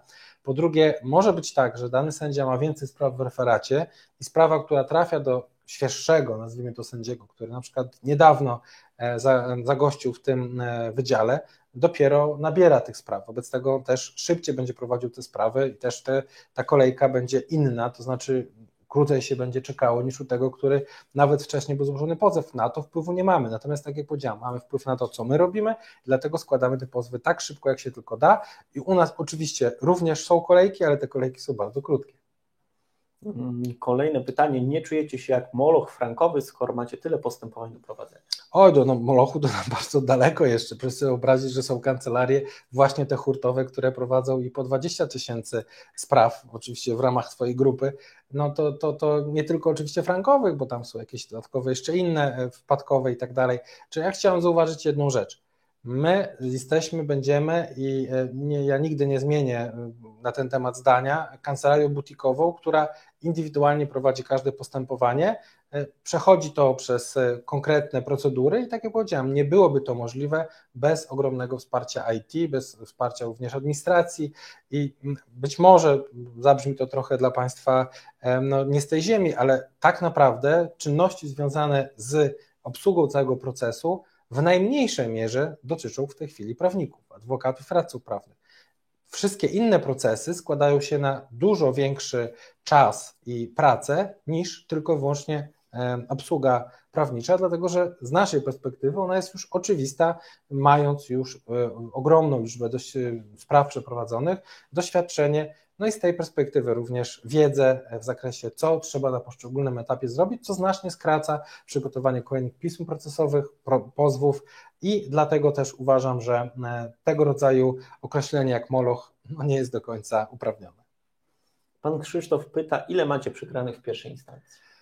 O cztery przegrane w pierwszej instancji. W każdej z tych przegranych e, sytuacja była związana z statusem konsumenta, a raczej z jego brakiem. E, nie do końca słusznie sprawy odwołaliśmy, znaczy oczywiście poza jedną sprawą Fortisu, gdzie e, nie było to związane z statusem konsumenta, tylko statusem sędziego, którego już nie ma w tym, w tym sądzie, gdyż jak okazuje się bardzo dobrze, e, a raczej no, średnio sobie z tym radził, na tyle średnio, że po prostu został wy, wydalony z tego wydziału jest sędzią dalej, ale już nie zajmuje się sprawami frankowymi, więc to jest no, kropla w morzu i absolutnie wszystkie sprawy prawomocne zakończone dla konsumentów mamy wygrane. Na zasadzie teorii dwóch kondycji zresztą. Tak, to jeszcze widzę, że Pan Krzysztof zarzucił, że odpowiadamy tylko na wygodne pytania. No oczywiście nie odpowiadamy po kolei na wszystkie pytania. Także Panie Krzysztofie, pytanie o przegranych również uzyskało swoją odpowiedź. E, pani Mariola pyta, jakie są pełne koszty pozwu zbiorowego? Ja nie wiem, jakie są koszty, koszty pozwu zbiorowego, bo tak. pozwy zbiorowy się nie prowadzi w Polsce w sprawie Frankowiczów e, z uwagi na to, że one są zupełnie bezsensowne, mówiąc otwarcie. No one nie prowadzą do rozstrzygnięcia, które miałoby faktycznie przełożenie na rozwiązanie problemu bankowego. Ja w ogóle nie słyszałem, żeby od kilku lat ktokolwiek skusił się na takie postępowanie. Były kancelarie, które e, na początku, e, oczywiście myślę, że kierując się brakiem możliwości przyjęcia klienta do prowadzenia sprawy, wymyślały jakieś tam pozwy hybrydowe czy pozwy zbiorowe, które właśnie e, nie prowadziły do niczego. Ja przecież pamiętam jeden pozew zbiorowy, który trwał 10 lat, gdzie klientka, akurat mieliśmy taką klientkę, którą przejęliśmy po tym pozwie zbiorowym, wygrała w postępowaniu zbiorowym po 10 latach 10 tysięcy plus jakieś odsetki, tam chyba 13, a nasz wyrok, który się już zakończył, wygrała 780 tysięcy. No to jest delikatna, subtelna różnica, a postępowanie sądowe nasze trwało 5 y, razy krócej, tak? Więc tutaj nie ma w ogóle o czym dyskutować. Postępowania zbiorowe już w Polsce w ramach Frankowiczów nie istnieją. Zresztą przyznam, że ja nie słyszałem, żeby w ogóle jakiekolwiek były, po prostu one są mm, niewydolne od strony sądu, z uwagi na wiele okoliczności.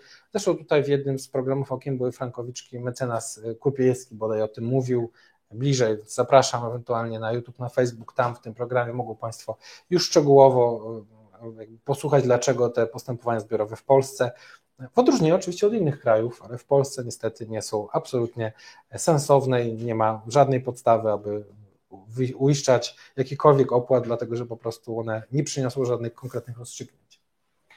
Pan Krzysztof zadaje kolejne pytanie. Zabezpieczacie Państwo w przypadku przegranej?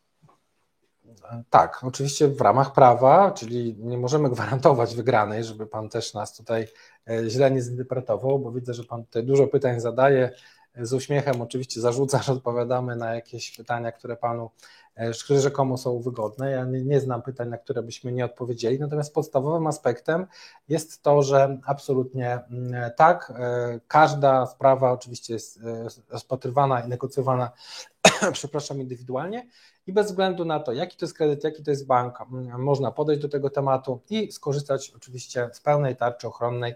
Nie widzę żadnego problemu. Jeżeli ma Pan taki, taki, taką potrzebę, taki pomysł, proszę przesłać tutaj do Wojtka na infomałpa życiebezkredytu.pl swoją umowę, aneks, ewentualnie jeżeli był zawierany jakikolwiek i my wyślemy oczywiście analizę i e, przedstawimy ofertę właśnie tych gwarancji. Mm, dokładnie tak. Ile tych pozwów? No tutaj już wcześniej powiedzieliśmy, że jest to około już prawie 1300 e, postępowań. Pan Krzysztof, aha, tutaj już na to pytanie zobaczyliśmy. E, tutaj również pytania zostały niezatwierdzone, natomiast odpowiadamy na wszystkie pytania po kolei. Pan Krzysztof pyta, czyli rozumiem, że zgodnie z prawem tworzycie Państwo rezerwę na pokrycie kosztów związanych z przegraną.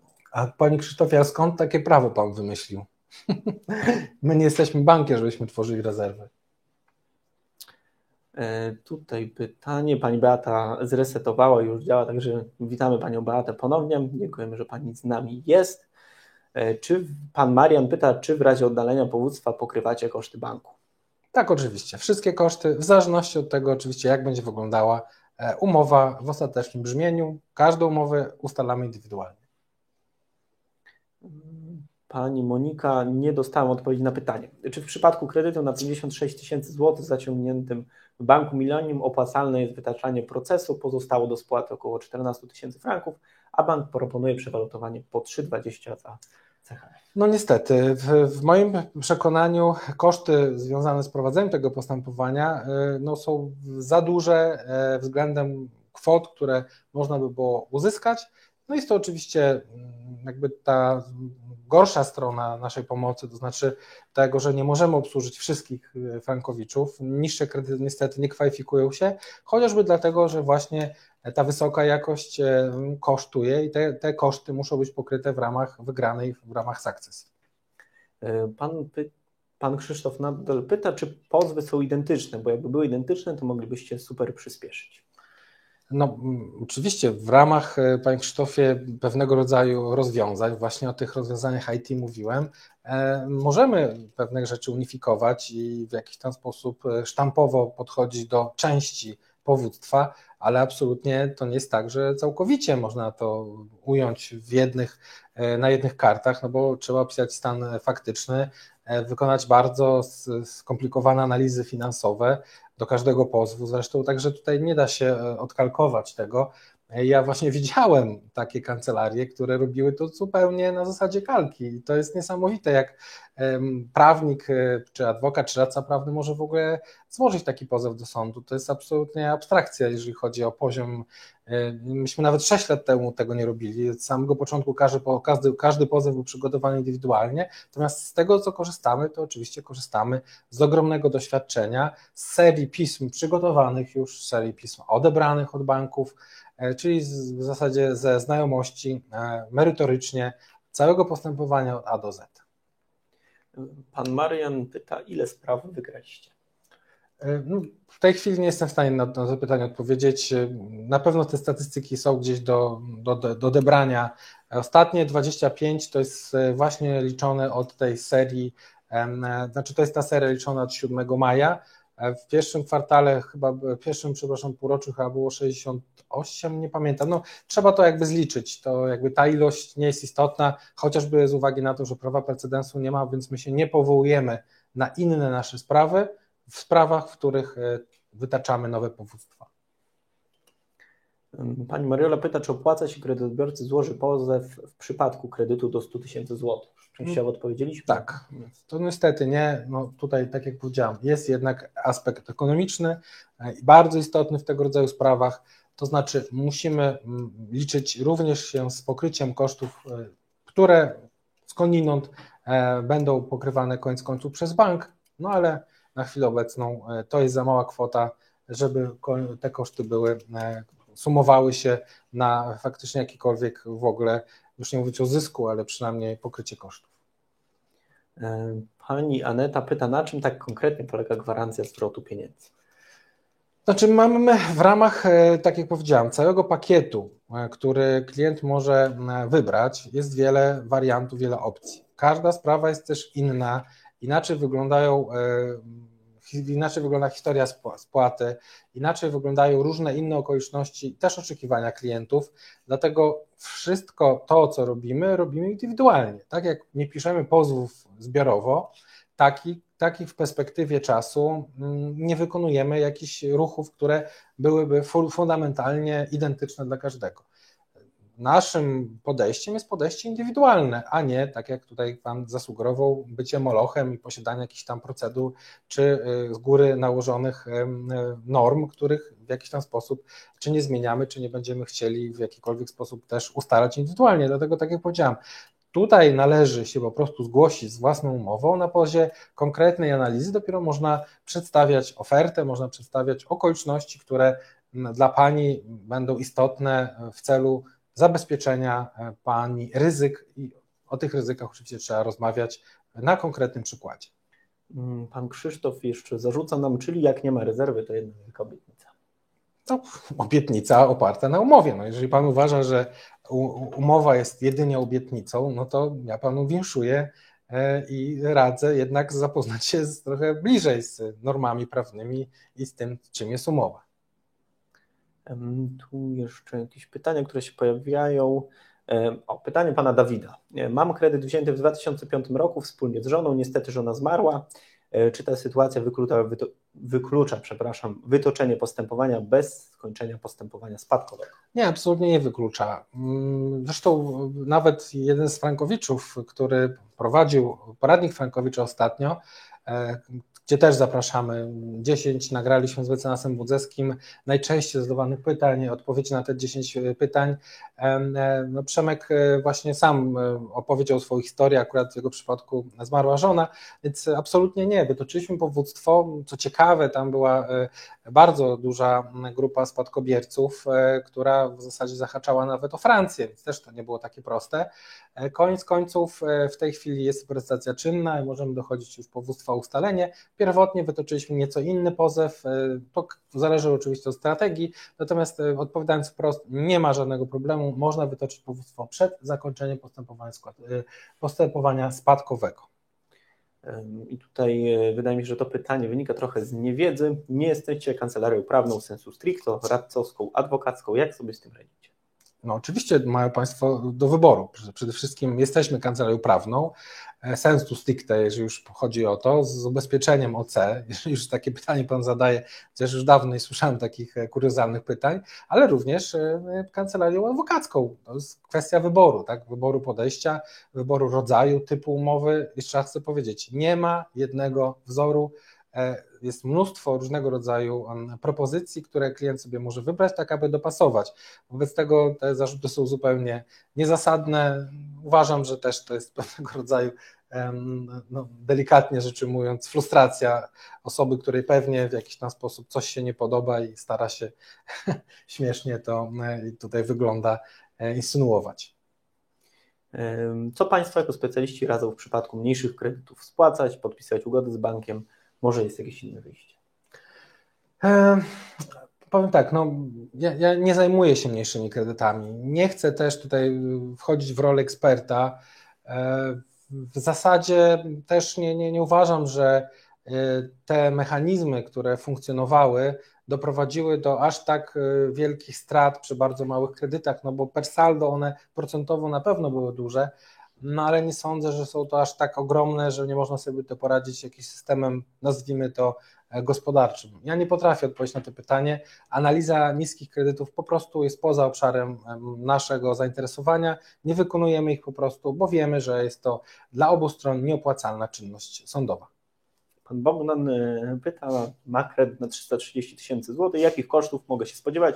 Proszę o szacunkowy koszt. No i tutaj Panie Bogdanie to pytanie wymaga po prostu przygotowania analizy. Musimy to policzyć. No, nie jesteśmy w stanie gdzieś z głowy wybrać e, konkretnej odpowiedzi, z racji tego, że po pierwsze nie widzieliśmy dokumentów, Analiza jest przygotowana w oparciu o umowę kredytową, o zapisy w tej umowie zawarte, także no tutaj mam do Pana prośbę, aby przesłał Pan na nasz adres info.małpaczyciebezkredytu.pl swoje dokumenty, przygotujemy taką analizę bezpłatnie, no i otrzyma Pan oczywiście odpowiedź o konkretnym y, koszcie, jak i o korzyściach możliwych do osiągnięcia zgodnie z trzema scenariuszami, w jaki ta sprawa może się zakończyć i taka analiza będzie u Pana już w ciągu trzech dni od momentu przysłania do nas dokumentów. No, nie jesteśmy w stanie tego po prostu tak w głowie policzyć, nad tym również siedzą analitycy, siedzą specjaliści i te wyliczenia dla Państwa przygotowują. Yy, tutaj tak, jakieś kolejne pytanie. Pan Adam, jeśli z tego co pamiętam, wygrywają ponad 90% spraw, to chyba nie muszą dużych rezerw robić. Jakby to pytanie z rezerwami już uzyskało odpowiedź. Yy, Jeżeli już, to 98. Tak. Procent. No tutaj nadal myślę, że tutaj ta osoba i tak naprawdę nie warto wchodzić w polemikę. Od jakiej kwoty kredytu warto z Wami podpisać umowę? Tutaj też jest to pytanie. Oczywiście no to wszystko zależy. Proszę, nadal tu będę informował o tym i to przekazywał, że proszę o przesłanie tych dokumentów do tej analizy. No każdą z tych spraw przygotowujemy indywidualnie. Jest to na podstawie dokładnie umowy kredytowej i zapisów e, w niej zawartych. Pani Monika pyta, czym będzie zastąpiony LIBOR?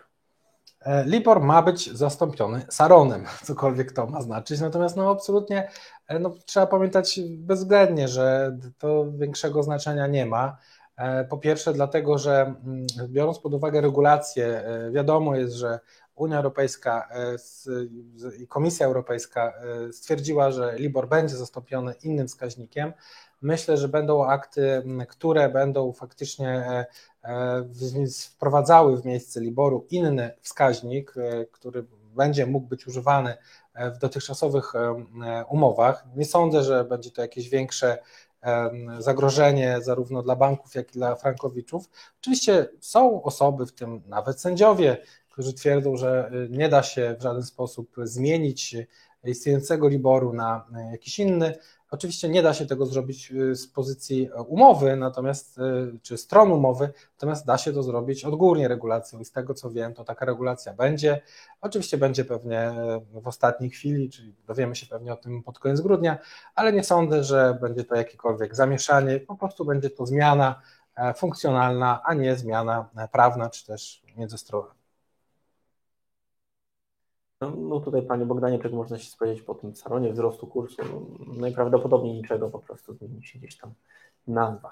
Znaczy z tego co wiemy, to mm, biorąc pod uwagę, Panie Bogdanie, w ogóle e, z Saron, to mowa jest o tym, że on będzie właśnie pozbawiony tych narzutów od strony e, takich, jakie dzisiaj mają, mają innymi Libor i, i to będzie prawdopodobnie prowadziło do obniżenia tego tutaj też trudno powiedzieć, no przynajmniej tak to Komisja Europejska tłumaczy, że LIBOR jest niewymiernym wskaźnikiem, dlatego on powinien być zamieniony na inny. No tak, takie są założenia. Jeszcze raz chcę powiedzieć, że to nie będzie miało na pewno żadnego znaczenia, a jeżeli ten spadek będzie niższy, no to on będzie groszowy, więc to też nie wpłynie na pewno na całą sytuację frankowiczów. Tu na Nilu wydaje mi się, że tutaj warto wyjaśnić, ponieważ mhm. pojawiają się pytania. Pani Aneta pyta, czy umowa jest z adwokatem, czy spółką bo podobno część firm to tylko spółki. Znaczy, czym innym jest firma odszkodowawcza prowadząca firmę e, pod, pod spółką ZO, czym innym jest e, kancelaria adwokacka prowadząca e, jednoosobową działalność gospodarczą, spółkę partnerską adwokatów, taką również oczywiście mogą Państwo podpisać z nami umowę. Czym innym jest oczywiście kancelaria prawna, ona może być w różnych formach prawnych, w naszym przypadku jest to akurat spółka ZO. Jeżeli ktoś ma jakieś wątpliwości co do mm, powiedzmy, wielkości czy, czy zasobów naszej spółki, E, to, to zachęcam do jakiegoś bliższego zapoznania się tutaj.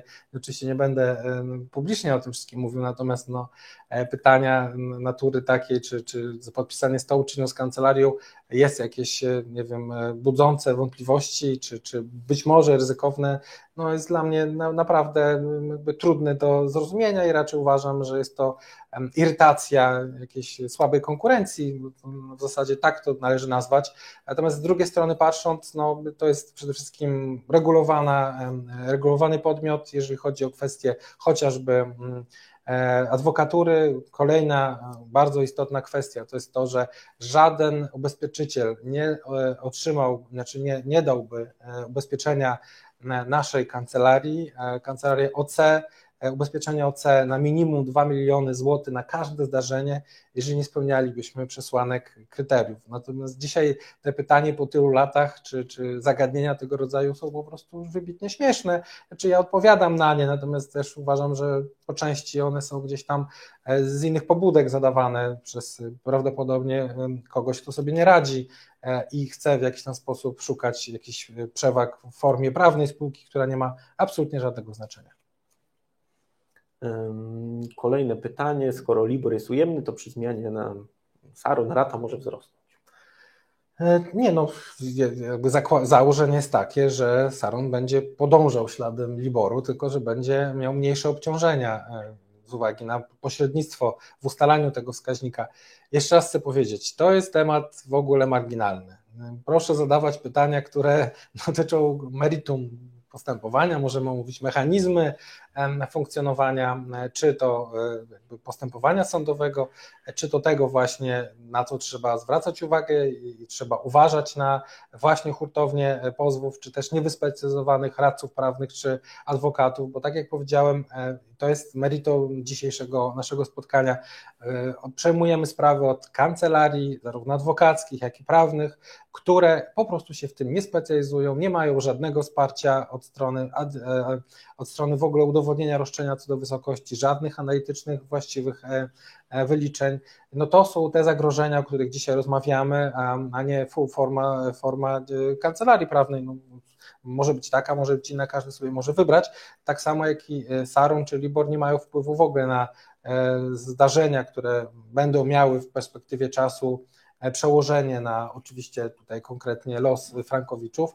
Być może istotne jest też to, że 2 września mamy przynajmniej planowane, zobaczymy czy się odbędzie, kolejne posiedzenie Sądu Najwyższego, które być może będzie prowadziło do jakiejś zmiany, ja nie wiem, czy do wyroku. Ostatnio sędzia na jednej z rozpraw powiedział, że tego wyroku nigdy nie będzie. No, to jest jego twierdzenie, ja mogę tylko i wyłącznie się z tym e, zgodzić. Natomiast no, z drugiej strony patrząc, jest duża szansa, że sędzia, e, pani prezes, e, pierwsza prezes sądu Manowska jednak spowoduje innego rodzaju rozstrzygnięcie w tym zakresie, czy to zmniejszy skład, który będzie mógł się, mówiąc kolokwialnie, dogadać, czy też z innej perspektywy patrząc, będzie mógł faktycznie wydać orzeczenie, na przykład podziale na e, poszczególne pytania.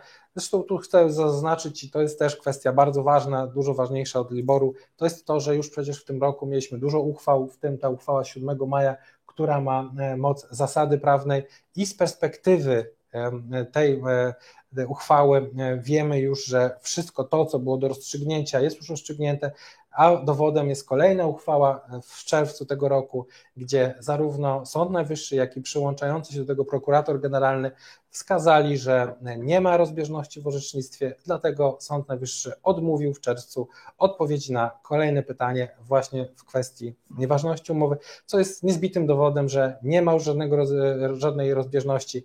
Pytania skądinąd dobre, zadane przez sędzię Manowską bardzo dawno już się zdektualizowały, no i na chwilę obecną Wydaje mi się, że to, na co trzeba czekać, to trzeba czekać na e, rozpoczęcie własnego postępowania sądowego i na jak najszybsze wyznaczanie kolejnych czynności procesowych, bo przypomnę, że te czynności procesowe są w szczególności e, w tej chwili przeprowadzane w formie posiedzeń niejawnych, czy też e, przesłuchania świadków na piśmie, co jest też bardzo ważne i przyspiesza postępowanie.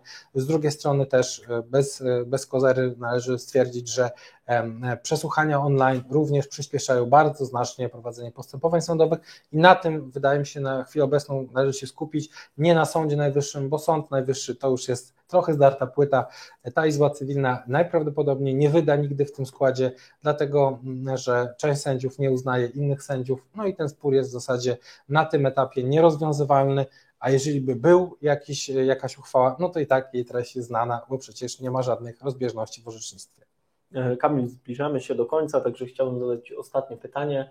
E, dotyczące akcji Polska Wolna od Franka. Gdybyś mógł trochę powiedzieć więcej, czym ta akcja jest i co ona za sobą wiąże dla naszych klientów. Mm, Polska wolna od franka, może nawiązując do tego, co napisał pan Adam, tak chyba ściągnęli tytułem całą konkurencję, pozdrawiamy konkurencję, aż widać, że e, na tyle, na tyle e, ma wiele zasobów do zaoferowania, że że musi tutaj się e, pokazywać jako tak zwani trole na, na, na webinarze poważnej, specjalistycznej kancelarii. Natomiast to oczywiście śmiechem, żartem w odniesieniu do tego, co powiedziałeś. Wolna, Polska Wolna od Franka to jest akcja właśnie e, zmierzająca do tego, żeby informować Frankowiczów o ich prawach. I teraz niezależnie jest, czy dany Frankowicz pójdzie e, do sądu z naszą kancelarią, jak wiadomo, 38 tysięcy spraw, my prowadzimy spraw 1300. E, z drugiej strony patrząc, milion wyświetleń naszych materiałów na YouTubie, ogromna liczba subskrybentów, ogromna liczba jakby obserwatorów na Facebooku, tak? ogromna liczba e, osób, które czytają w ramach e, właśnie akcji Polska Wolna od Franka nasze materiały na blogu. W zasadzie codziennie, co dwa dni przygotowane są aktualne informacje, aktualne artykuły. No to jest akcja wolna, Polska Wolna od Franka, to jest akcja, w której e, przekazujemy Państwu wiedzę niezbędną do tego, aby pozbyć się problemu.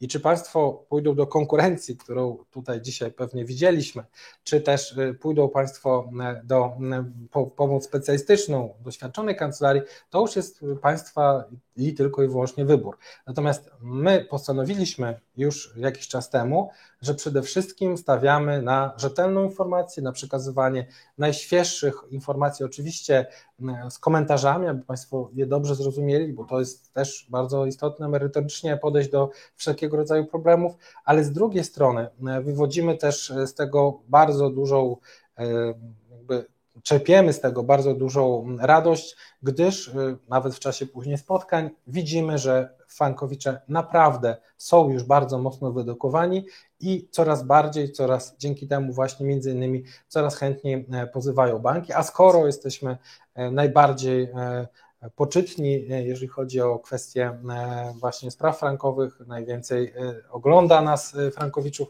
mm, w Polsce, to znaczy, że no mamy taką małą cegiełkę do tego, że właśnie te 38 tysięcy ludzi jest w sądzie, co mnie oczywiście bardzo mocno cieszy, bo przypomnę, że nasza społeczność, którą założyłem 6 lat temu, ma już ponad 30 tysięcy frankowiczów i jest to też spora grupa ludzi, która pewnie poniekąd już jest w sądzie, poniekąd być może jeszcze się zastanawia, natomiast najważniejsze jest to, że zajmuje się, że zastanawia się nad tym, co zrobić z tym kredytem i czy może wyjść z danej sytuacji, bo tak jak tu zresztą Wojtek dzisiaj powiedział, każda sprawa jest inna i my możemy tutaj pokazywać wyroki, że są wszystkie identyczne na zasadzie teorii dwóch kondycji, ale to nie jest wcale tak, że każdą sprawę prowadzi się w taki sam sposób. Yy, pan Darek jeszcze rzutem na taśmę zadaje ostatnie pytanie. Czy umowy banku dawne G Money są jakieś bardziej skomplikowane? Nie, e, umowy banku G, dzisiaj BPH, są to umowy, które zostały regulowane już nawet w, w uchwale. E, e, czy Sądu Najwyższego ostatniej w ramach opinii co do tego, że nie ma możliwości redukcji utrzymującej, czy zasady tak zwanego zaczarowanego, czyli niebieskiego ołówka. No generalnie bardziej tu chodzi o to, że e, Trybunał Sprawiedliwości w kwietniu tego roku wskazał wprost, że nie ma możliwości, aby te klauzule G-Money Banku, które w pewien sposób odnoszą się do średniego kursu MBP, ale mimo wszystko dają dowolność arbitralnych w kształtowaniu kursu poprzez możliwość ustalania właśnie tej marży, również są nieważne, bezskuteczne względem konsumenta, zresztą są wpisane do rejestru klauzul niedozwolonych, trudno też z tym polemizować, a wiadomo, że rejestr klauzul niedozwolonych jest prejudykatem w postępowaniu sądowym wytoczonym bezpośrednio przed sądem w indywidualnej sprawie i dlatego właśnie te sprawy indywidualne kończą się y, takim, a nie innym skutkiem. No, chciałem przypomnieć, że wszystkie sprawy odnośnie BPH wygraliśmy na zasadzie teorii dwóch kondykcji dotyczące G-Money Bank. Pan Mateusz jeszcze pyta, czy macie wygrane z Raiffeisen Bank? Um, Dawno też pytanie tego typu nie zapadło, gdyż nie ma chyba tygodnia, gdy nie wygraliśmy z Raiffeisen Bank. Oczywiście mówimy tu przede wszystkim o kredytach Polbank. Te pierwotnie zawarte z Raiffeisenem były w mniejszości. Kredyty Polbank, e, przepraszam, zdecydowanie najwięcej było oczywiście indeksowanych, chociaż były też denominowane i z wszystkimi tymi sobie poradziliśmy.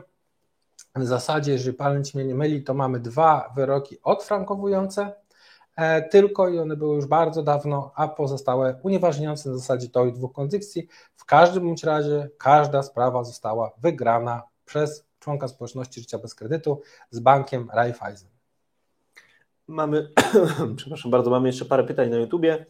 Pani Magda pyta, chciała zapytać, ile trwa rozpatrzenie apelacji w drugiej instancji w tej chwili w Warszawie.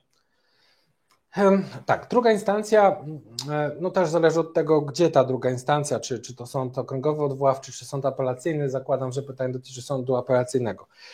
W zasadzie sprawy, które się zakończyły już, w apelacji trwa około 7-8 miesięcy.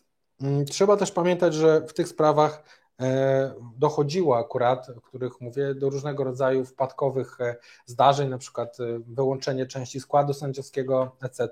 Trzeba teraz pamiętać o tym, i to jest istotne, że w tej chwili składy w sądzie apelacyjnym są składami jednoosobowymi, tak jak to było, jak to jest w sądzie okręgowym. To powoduje, że jest większa ilość sędziów, która przypada na jedną sprawę, bo skoro nie trzech, a każdy pojedynczy rozpatruje sprawę, Dzięki temu każda z tych spraw będzie po prostu rozpatrywana szybciej. E, nie potrafię odpowiedzieć w tej chwili na pytanie, jak będzie e, w, na, po tej zmianie, która przecież ma dopiero e, od niespełna dwóch miesięcy, jak to będzie wyglądało. Mieliśmy okres wakacyjny. Myślę, że sprawa w apelacji nie powinna trwać dłużej niż 6 do 9 miesięcy. Oczywiście to nie jest już e, postępowanie, w którym e, konsument jest w jakikolwiek sposób zaangażowany.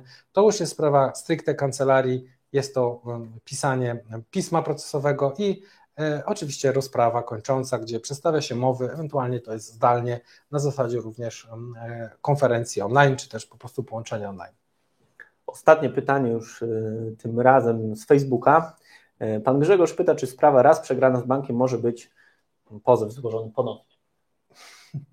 Cześć Panie Grzegorzu. Akurat znamy się z Panem Grzegorzem. E, mm, nie wiem dlaczego nie zapytałeś mnie o to, jak się widzieliśmy ostatnio, ale e, no tak, raz sprawa jest przegrana z bankiem i tak i nie. To znaczy, jeżeli w ramach pozwu mamy wszystkie roszczenia e, kaskadowo ułożone, to oznacza, że mm, były w ramach oceny przed sądem w drodze właśnie tej kontroli incydentalnej e, wszystkie pozwy, wszystkie roszczenia w pozwie y, umieszczone, e, czyli te roszczenia były skumulowane. Jeżeli tak pozew jest złożony, czyli zawiera wszystkie możliwe do rozstrzygnięcia postępowania roszczenia i sąd oddala takie roszczenie prawomocnie, oczywiście po drugiej instancji, no to wtedy już nie ma możliwości drugiego, drugi raz złożenia pozwu o to samo, gdyż mamy powagę rzeczy osądzonej. Ale wystarczy, że w ramach takiego pozwu, co się zdarza, mieliśmy sytuację, gdzie przyszedł do nas klient, który na przykład przegrał sprawę, no ale przegrał dlatego, że nie było w, w, odpowiedni sposób, nie były usytuowane w pozwie roszczenia. Pozostałe roszczenia, które mogliśmy jeszcze, nazwijmy to, użyć, no i to wykonaliśmy. I dlatego dalej była możliwość prowadzenia, więc odpowiedź jest Grzesiu i tak i nie. To zależy od tego po prostu, czy w danej sytuacji pozew zawierał wszystkie możliwe roszczenia i były one przedmiotem rozpatrzenia przez sąd, czy też nie. I to jest odpowiedź na to pytanie. Y, mam też, y, już zbliżając się ku końcowi, mam dla Państwa konkurs. Do wygrania będzie książka Kamila Chwiedosika Droga do życia bez kredytu, historie prawdziwe. Y, wszystkie osoby, pierwsze trzy osoby może, które najszybciej napiszą na naszą skrzynkę internetową hasło chcę pozwać bank, otrzymają taką książkę zupełnie za darmo. Wyślemy ją w przeciągu 72 godzin, także przypominam nasz adres mailowy infomałpa życiebezkredytu.pl hasło to chcę pozwać bank, także trzy pierwsze osoby taką książkę e, od, od nas otrzymają. E, Kamilu, czy będą mogły tyle osoby liczyć na Twój podpis? Oczywiście, że tak. Także zachęcam do wysyłania swoich zgłoszeń, zachęcam do, również do wypełnienia naszego formularza kontaktowego na stronie życiebezkredytu.pl kontakt. Proszę pozostawić swoje dane. W odpowiedzi zwrotnej otrzymają Państwo instrukcje z dalszymi krokami, a tym dalszym krokiem jest po prostu przesłanie do nas umowy kredytowej, abyśmy mogli ją przeanalizować. Także ja serdecznie dziękuję e, za dzisiaj. Zapraszam Państwa na nasze kolejne webinary. Ja również dziękuję. Dziękuję również szanownej konkurencji, że miała sposobność zamiast podnosić jakość swoich usług, to tutaj nam dzisiaj trochę potrolować. Pozdrawiam serdecznie. Do kolejnego razu. Dobra.